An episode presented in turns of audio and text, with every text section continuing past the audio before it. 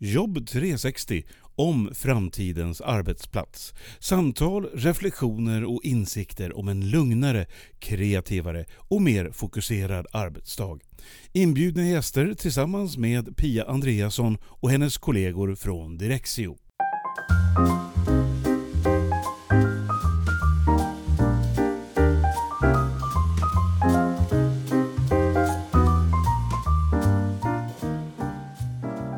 Nu ska jag iväg och träffa Joakim Scholander. Och han vet väldigt mycket om ljud, om ljud på kontor i synnerhet. Och han ska berätta för mig varför ljud är så viktigt och vad man behöver tänka på om man vill ha en bra ljudmiljö på sitt kontor. Jag har redan pratat lite grann med Joakim innan och det är verkligen superintressanta saker han har att berätta och jag är lite förvånad att eh, det verkar inte vara så känt det här med hur mycket ljud påverkar oss och vad som faktiskt finns att göra för att skapa en bra ljudmiljö. Så häng med och lyssna på Joakim Sjölander.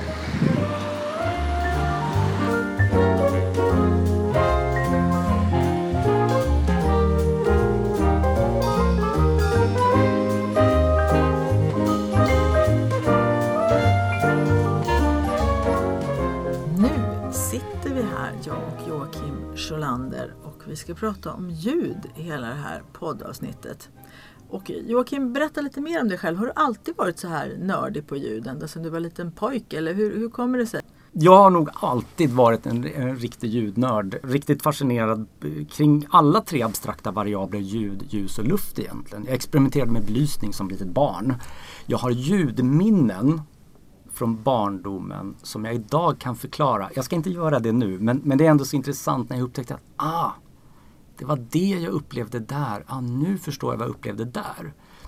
Men sen gick jag in på en bana som var att eh, läsa ekonomi på universitet och sen så var det in i storbolag. Jag jobbade på IBM, ett fantastiskt bolag men för mig som passionerad person i det jag gör så förstod jag att nu är det läge efter ett antal år på IBM att gå vidare. Och då började jag leta efter olika typer och utvärdera olika affärsidéer.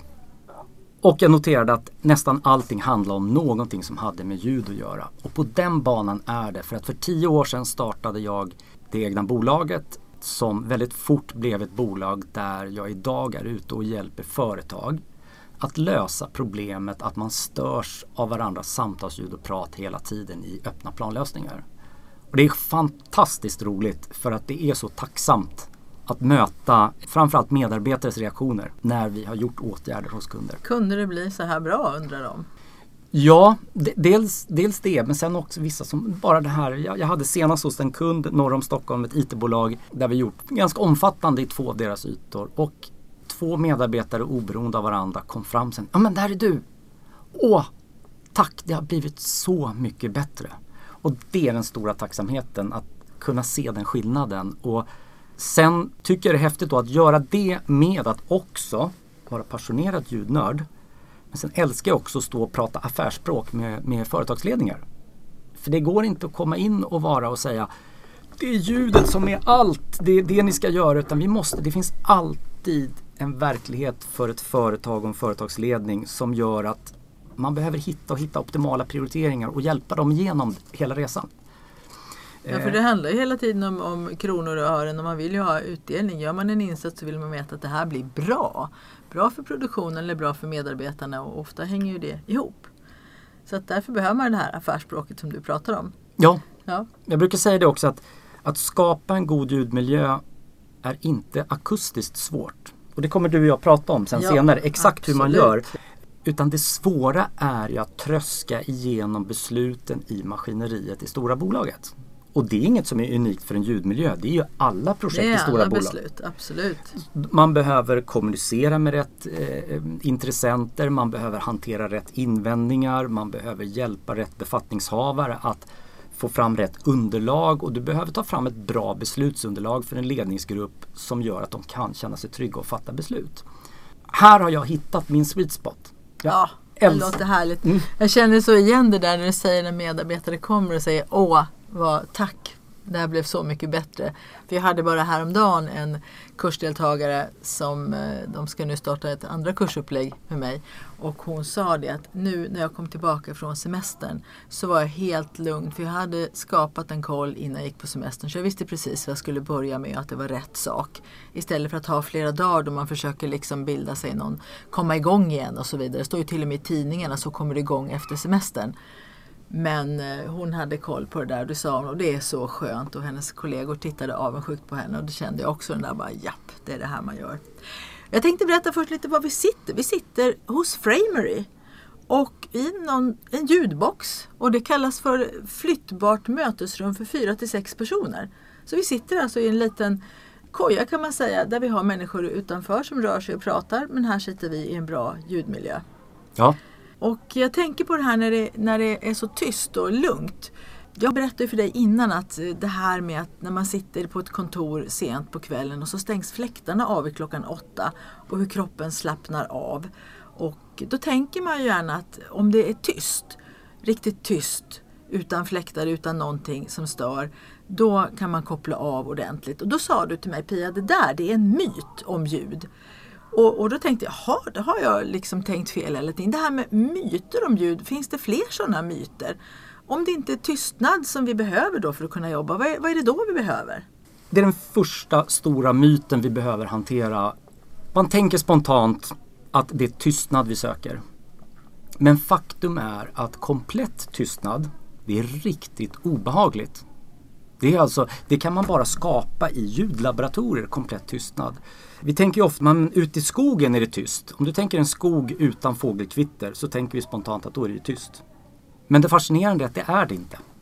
Du kommer alltid höra lite vindsus, du har lite knaklig brak från trädstammar som rör sig. Det finns alltid signal som kommer omslutande runt omkring dig till hörselsinnet och det är jättebehagligt. Men det är inte tyst. Och då tänker man så här, vad är det då som är i kontor? Varför är det här en myt? Jo, för det vi vill ha i kontor, det är arbetsro. Arbetsro, det är det som är Ja, lösningen där, inte tystnad. nej, för, för, tystnad och arbetsro är inte samma sak. För att arbetsro bestäms av arbetsuppgiften.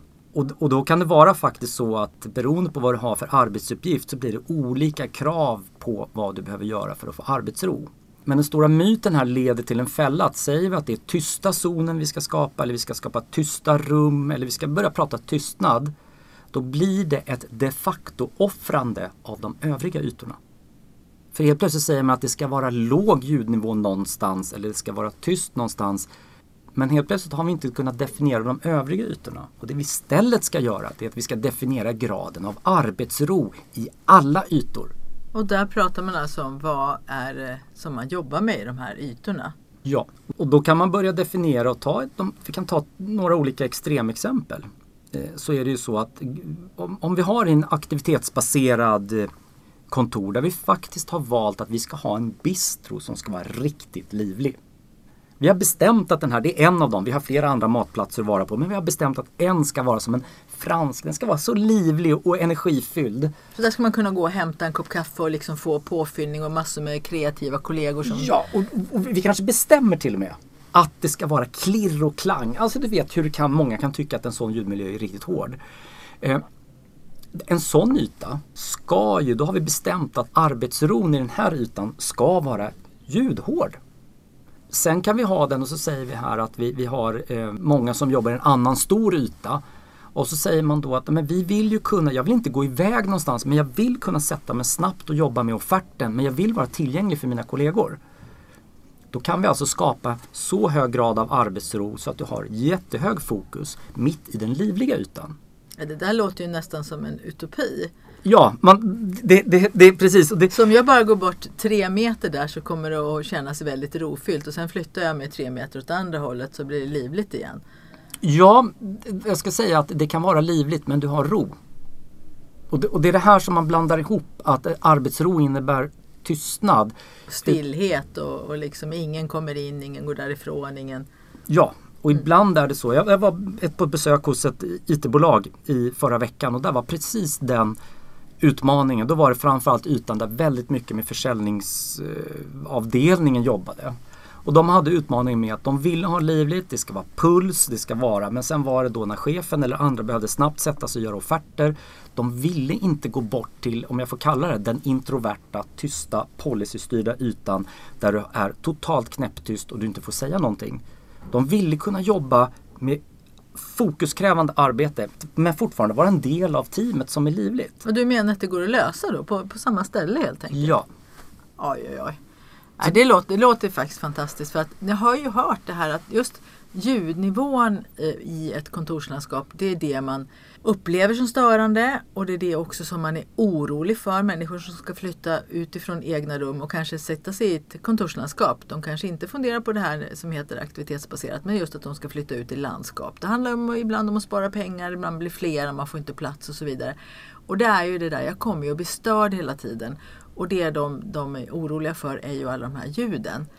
Och det jag har hört att det är just det här när man hör pratet. Jag har läst lite forskning om det. Att när man hör vad människor säger. Då är det det som stör allra mest.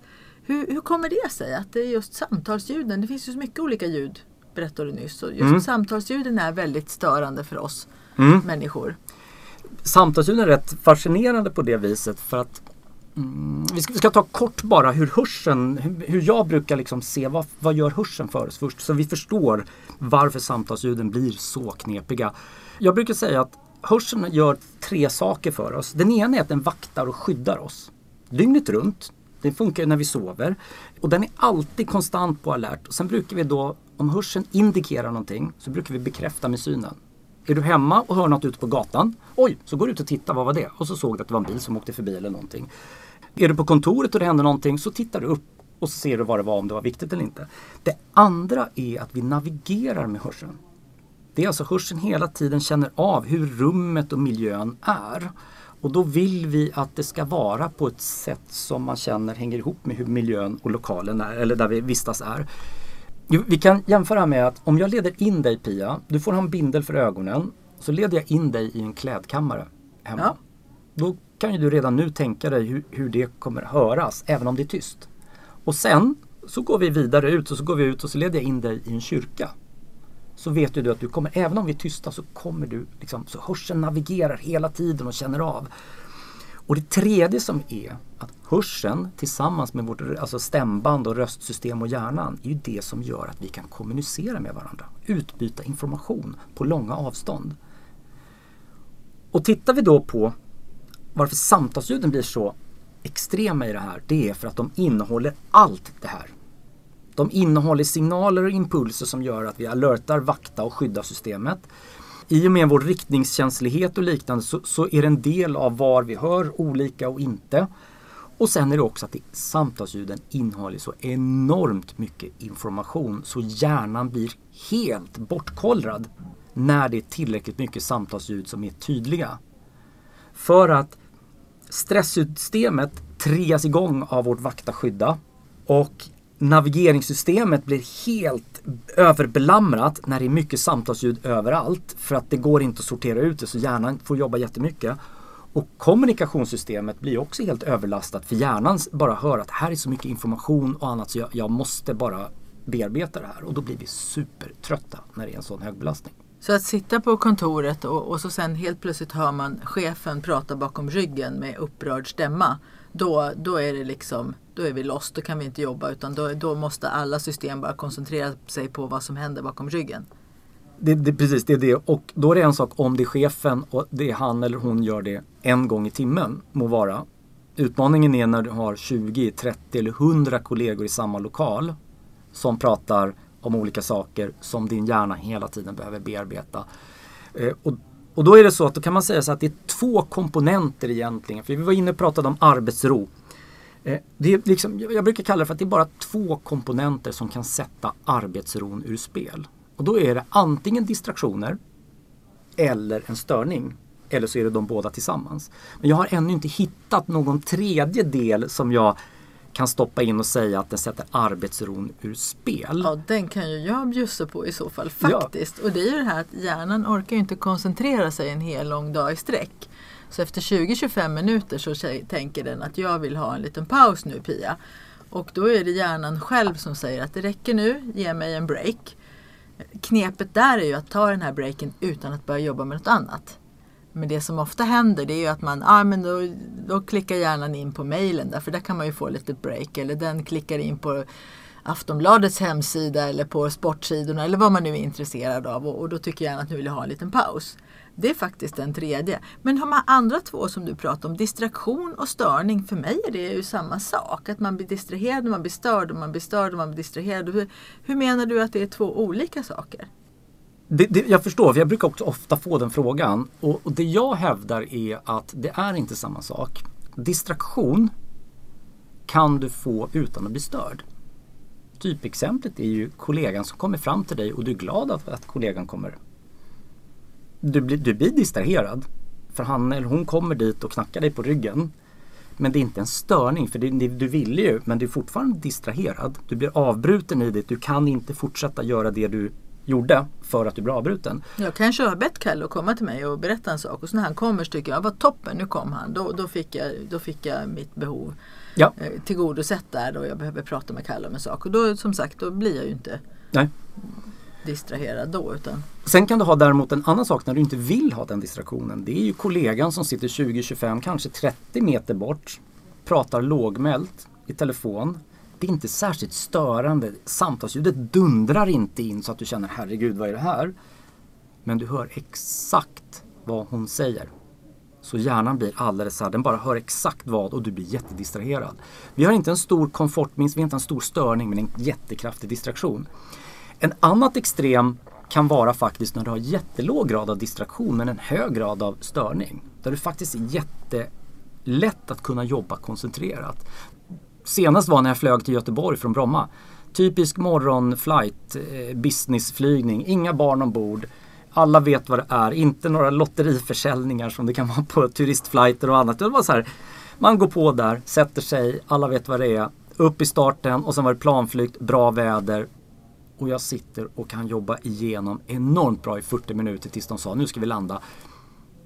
Och då är det intressant, hur kommer det här sig? Jo, det är ju jag hör ju inte ens vad de säger på andra sidan stolsryggen. Det är 60 centimeter bort. Så och, fastän det är väldigt brus när man sitter och flyger och så, så att man inte hör vad människor säger gör att hjärnan kan verkligen fokusera. Ja, det gör det. Och, och då är det så här, ska det vara ett högt brus? Ja, det är ju, vad jag hävdar är då att på ett flygplan så har en bullernivå som är en hög grad av störning. Men eftersom jag sitter där i 45 minuter så är det inte störningspåslaget blir inte så påfrestande. Men om vi skulle ha den ljudnivån i kontor och öppna ytor hela tiden för att bli av med, med distraktioner. Då blir det istället att störningen tar över och vi får massa andra problem. Ja, så du rekommenderar inte att lägga flygplansbuller i alla öppna kontorsmiljöer precis utan det är andra åtgärder som du tänker dig? Ja, och vi kommer till det. Faktum är däremot att vi ska ta kontroll över ljudbakgrunden. Det är en viktig komponent, men vi kommer till det. Du berättade för mig när vi pratade inför det här samtalet att eh, på senaste tiden så har du och kollegorna börjat göra mätningar före och efter när ni har gjort sådana insatser i olika ljudmiljöer. Kan du berätta lite mer om vad, vad de säger? Vad kommer ni fram till? Vad, vad är det som händer? Hur upplever medarbetarna det här när ni gör insatser? Till att börja med där så är det att många säger att oh, vi ska mäta akustiska variabler och, och, mäta ljud och liknande. Och det gör vi också. Och när vi gör saker, vi får fram de värden som, som vi vill få. Men det är ju inte riktigt det som är det viktiga. För att mäta en akustisk variabel, det är ju bara en omväg för att försöka ta reda på vad tycker medarbetare. Så det vi gör är att tillsammans med Pontus Thorsson som är både forskare i akustik och doktor i akustik men också driver ett rent akustikingenjörsbolag. Så har han och jag tagit fram åtta påståenden som medarbetare får gradera hur mycket man håller med eller inte håller med. Som berör då ljudmiljö och som berör hur effektiv och liknande man är. Ganska enkelt med bara åtta frågor som man graderar. Det är ingen stor omfattande men ändå så får ni fram här vad medarbetarna ja. upplever. Och det, och det, det är framtaget med vetenskaplig metod i baktanken. Alltså så att det, vi kan göra tyngre analyser på det här. Och det här är grunden också för större forskningsprojekt. Men det intressanta är här att vi får alltså fram radikala resultat på hur medarbetare graderar att man upplever förändringen i hur effektiv man är eller hur man tycker att ljudmiljön är komfortabel eller hur lite eller mycket man störs. Och jag har två exempel jag vill dela kort här. Och det, det ena är ett logistikbolag som är beläget ute vid Arlanda. De sitter i fixed seating, så det är vad man kallar klassiskt kontorslandskap. Det är, det är den som ställer störst utmaningar egentligen av alla kontorstyper anser jag. Före åtgärder, då har vi ett påstående som heter ljudmiljön gör att jag kan arbeta effektivt. Det tycker jag är det viktigaste påståendet för det hänger ihop med både hur medarbetaren själv mår, tycker och företagets bottom line. Och före åtgärder, då var det bara 27 procent av medarbetarna som instämde i påståendet ljudmiljön gör att jag kan arbeta effektivt. Men efter åtgärder så var det 70 procent som instämde. Det här är väldigt stora förändringar när man gör sådana här eh, undersökningar. Vi har ett annat exempel. Det är ett IT-bolag som hade 78 medarbetare som delade på 49 arbetsplatser. De hade flexiting, dyra IT-konsulter, trångt. De hade tuffa eh, situationer verkligen från början. Och vi gjorde ganska omfattande åtgärder hos dem. Och före åtgärder så var det bara 30 procent som instämde i att ljudmiljön gör att jag kan arbeta effektivt. Men efter åtgärder var det 90% som instämde. Det är en tredubbling av antalet helt enkelt. Ja, när vi tittar i datan så ser vi också att vi får återkommande de här resultaten.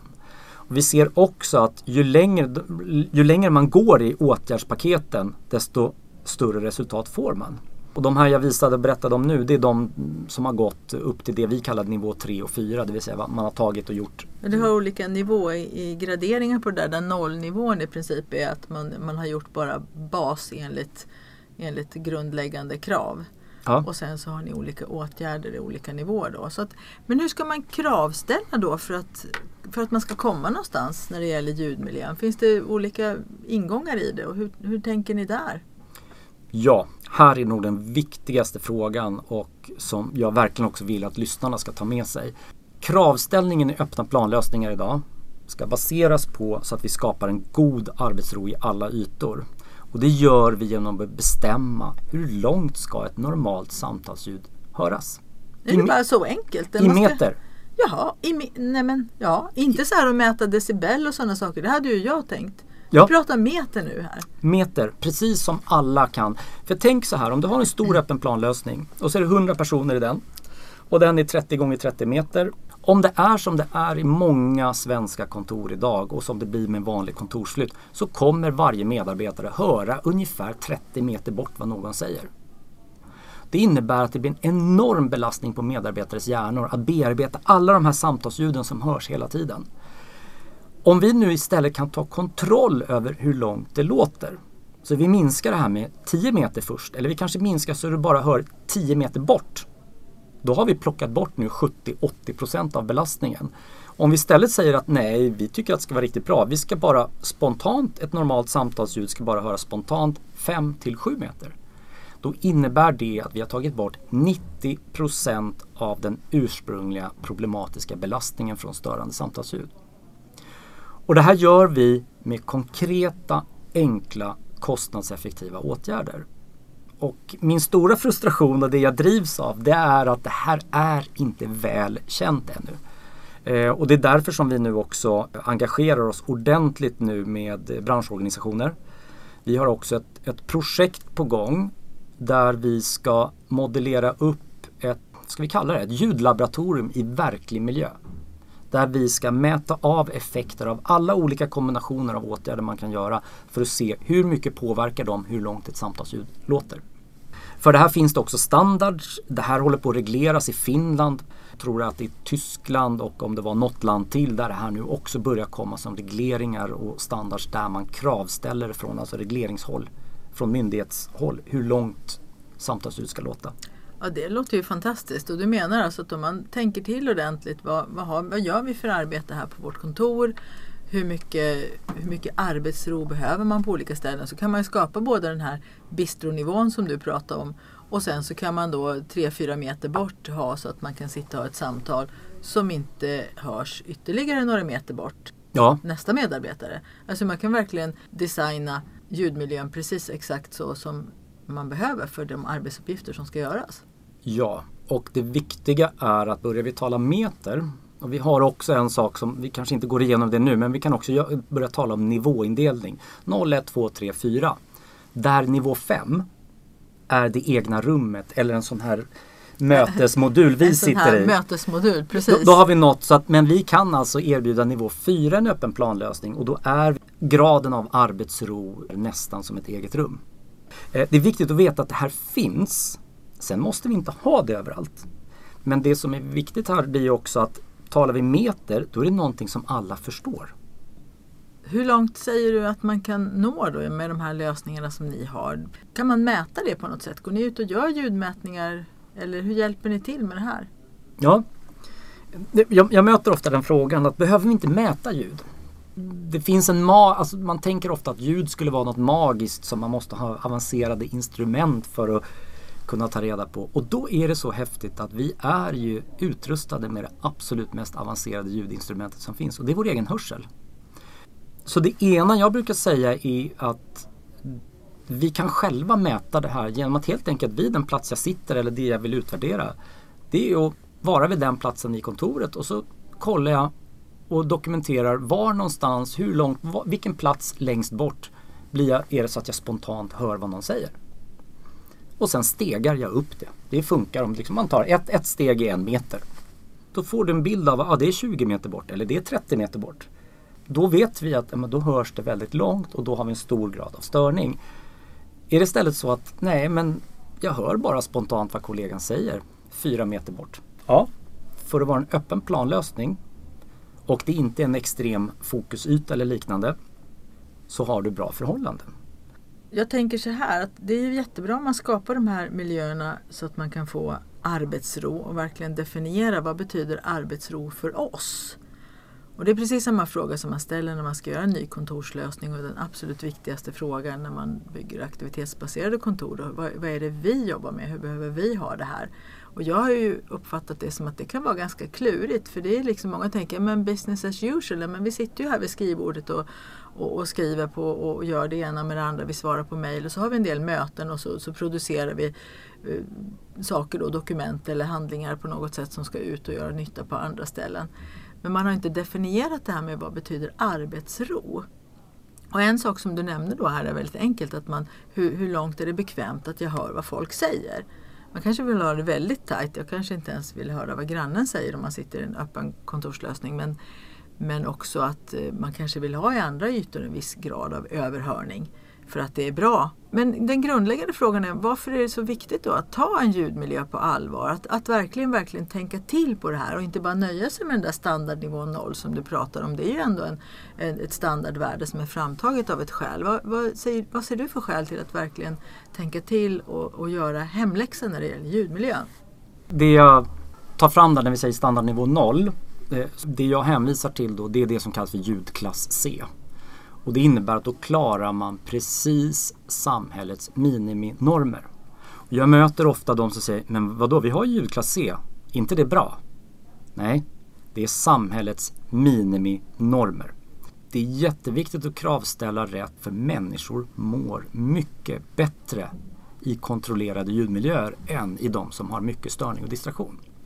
Sen är det då också att då kommer vi dessutom prestera bättre. Vi kommer alltså kunna göra mer till mindre insats. Och då får vi effekter av att de flesta medarbetare vill göra bra ifrån sig. Och då blir vi gladare och trivs bättre. Då har vi en positiv påverkan på sjukfrånvaro. Vi har positiv påverkan på personalomsättning. Dessutom finns det det att vi gör färre fel i kontrollerade ljudmiljöer. Är det så? Det hade Ja. jag ingen aning om. Vi, människor gör, vi, vi människor vi gör fel. Ja, Men- det, det känner man till. Ja. Ja. Och här finns det forsk på där man ser i arbetsprover och annat att dels så är det stökiga och, och röriga ljudmiljöer så dels lär vi oss sämre om vi ska lära oss, vi minns sämre. Eh, Men det är också så att vi ökar graden av misstag och fel. Ofta möter jag IT-bolag som har jätteutmaningar i sina ytor där det sitter utveckling och de som är ansvariga för drift av affärskritiska IT-system. Börjar Men föra- där får det ju inte bli fel. Nej, många gånger inte. I kontor idag finns en, en man, man tänker inte riktigt på det här. Men samma bolag som kanske har en produktionslina av, vi hittar på nu, tillverka bilar.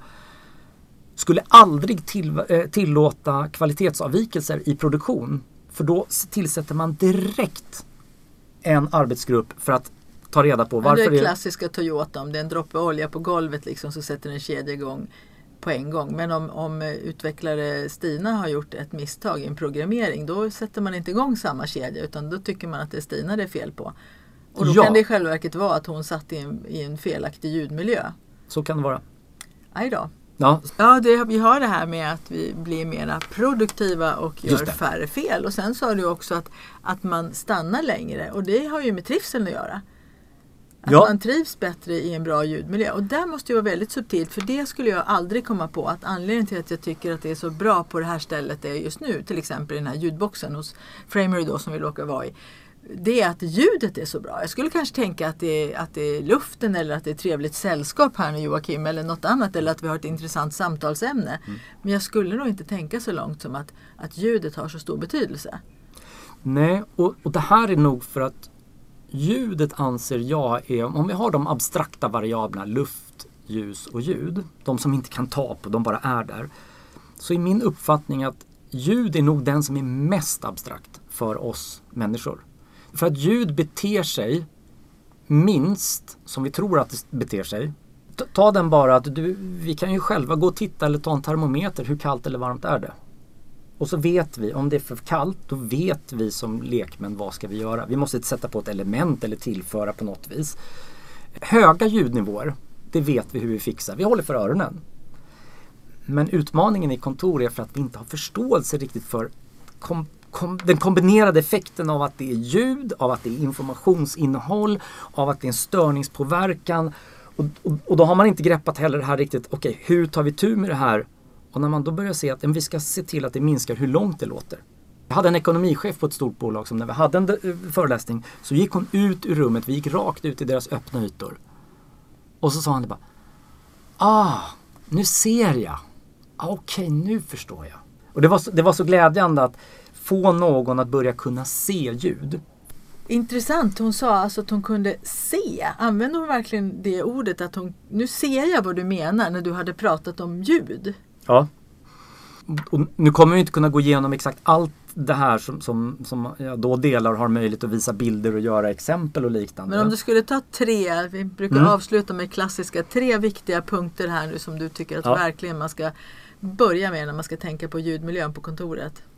Allt handlar ju om att det vi vill åstadkomma är att minska hur långt ett samtalsljud låter. Och det är den första att liksom, aha, åh gud jag ser ju där borta, det låter långt där borta. Då är det ett problem.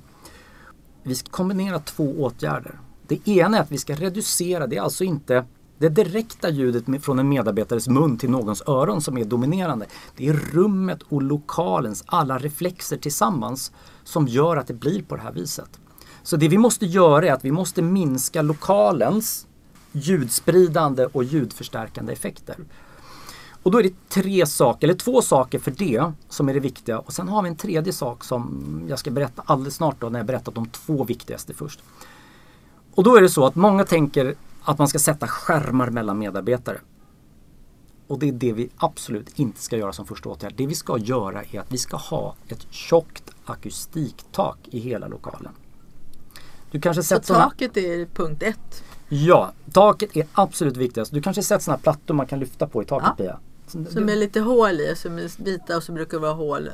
Lite så. hål och Ja. lite porösa ofta Ja. och sånt där. Ibland ser de fina och ibland ser de fula ut och, och liknande sånt. Oftast är det då akustiktak. Och det som traditionellt är är att det sätts in de som bara är 15 eller 20 mm tjocka.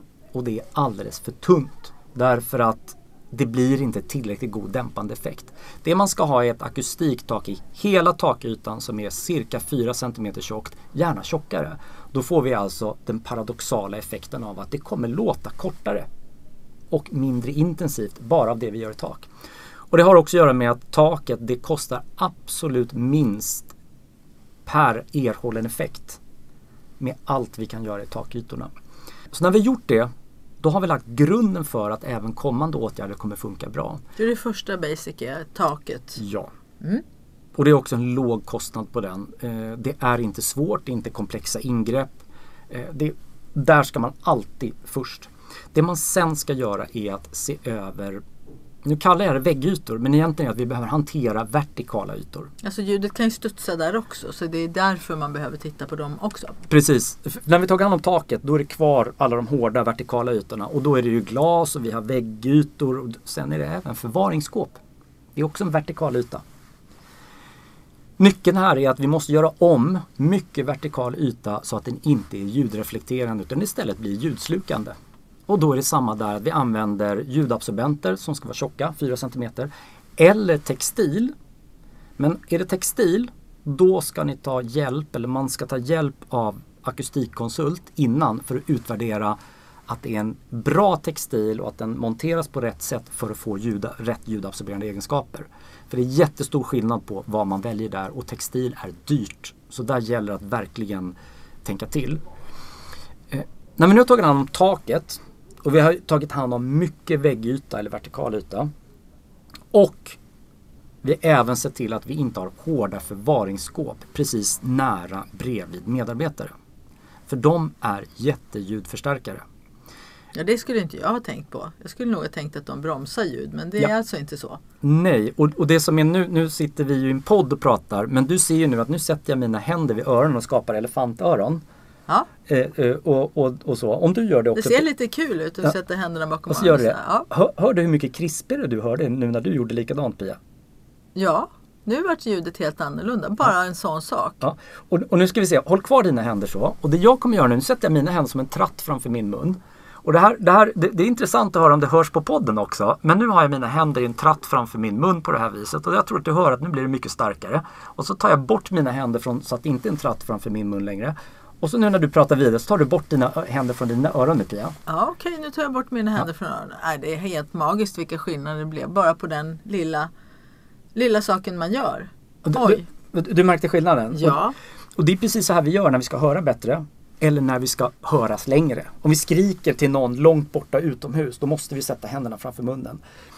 Och det här är exakt samma effekt som hårda förvaringsskåp nära medarbetare har. de blir såna här ljudtrattar. Det blir ljudtrattar och ljudförstärkare. Ah, Så en av nycklarna här med vertikala ytor är alltså att vi måste få bort hårda ytor eller så måste vi sätta ljudabsorbenter på, på de skåpen nära medarbetare. När vi har gjort det här i taket och vi tagit hand om vertikala ytor på det här viset.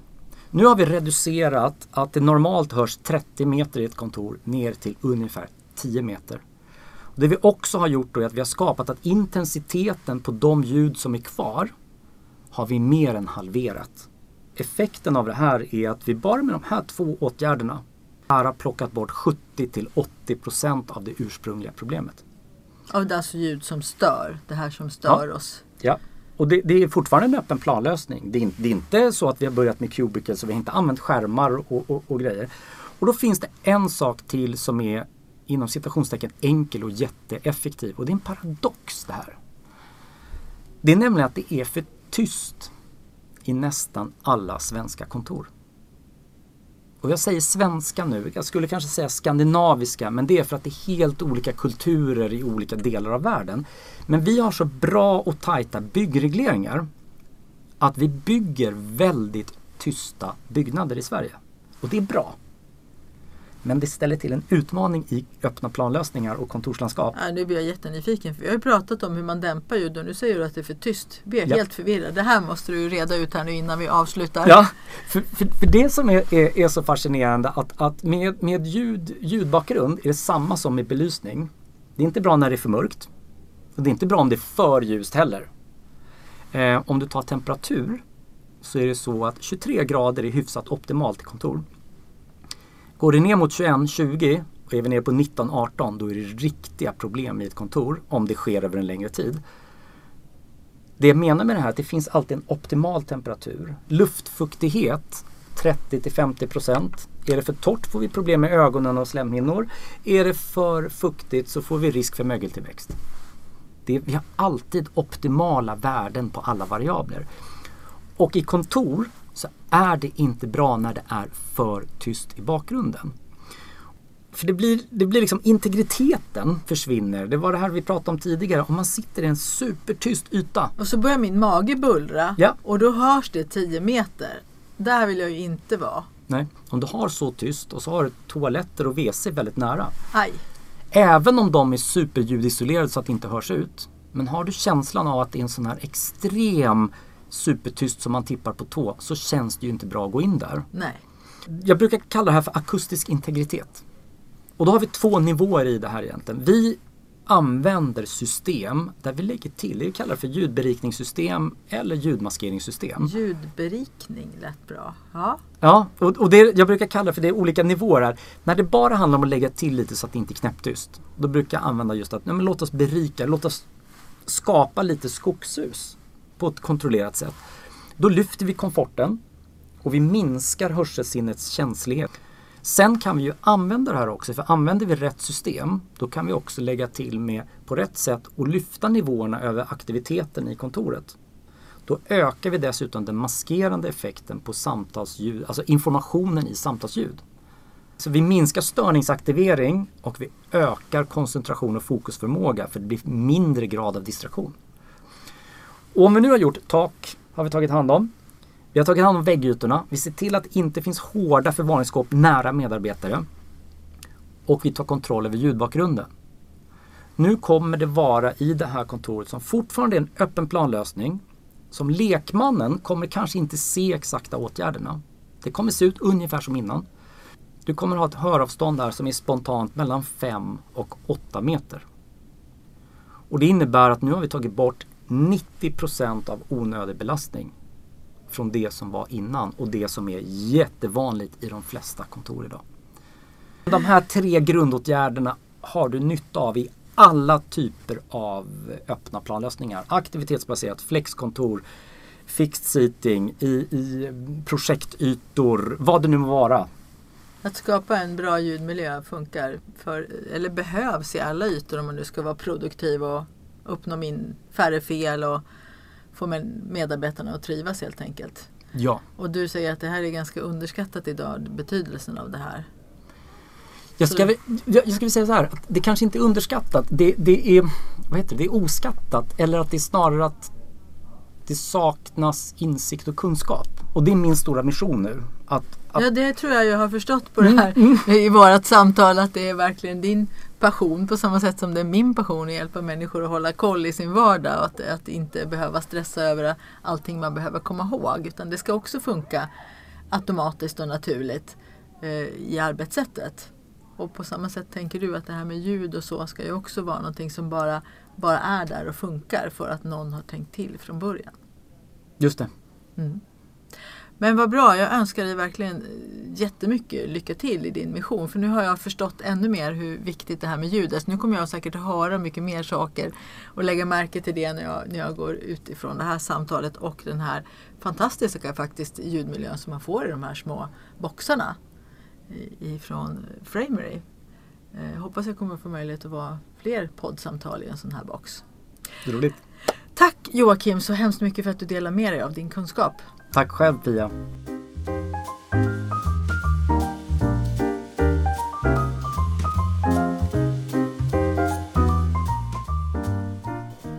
Jag hoppas du tyckte att det var lika intressant som jag att lyssna på Joakim Sjölander när han berättar om ljudmiljöerna på våra kontor. Det jag tyckte var mest intressant var att det är så lätt att åtgärda de här miljöerna och få mer arbetsro så att vi inte behöver ha de här bullriga miljöerna på kontoren där vi känner att vi blir störda och där vi måste gå någon annanstans för att kunna jobba koncentrerat. Sen var det också roligt att höra att de bästa mätinstrumenten för det här har vi faktiskt var och en på var sida om huvudet. Så nu får du gå till ditt kontor och ställa dig någonstans och börja lyssna. Hur långt bort hör jag ett samtal? Och sen är det bara att stega upp avståndet och fundera på är det här någonting som funkar för oss? Eller ska vi förbättra någonting? Tack Joakim Sjölander och tack för att du lyssnar på podden Jobb 360.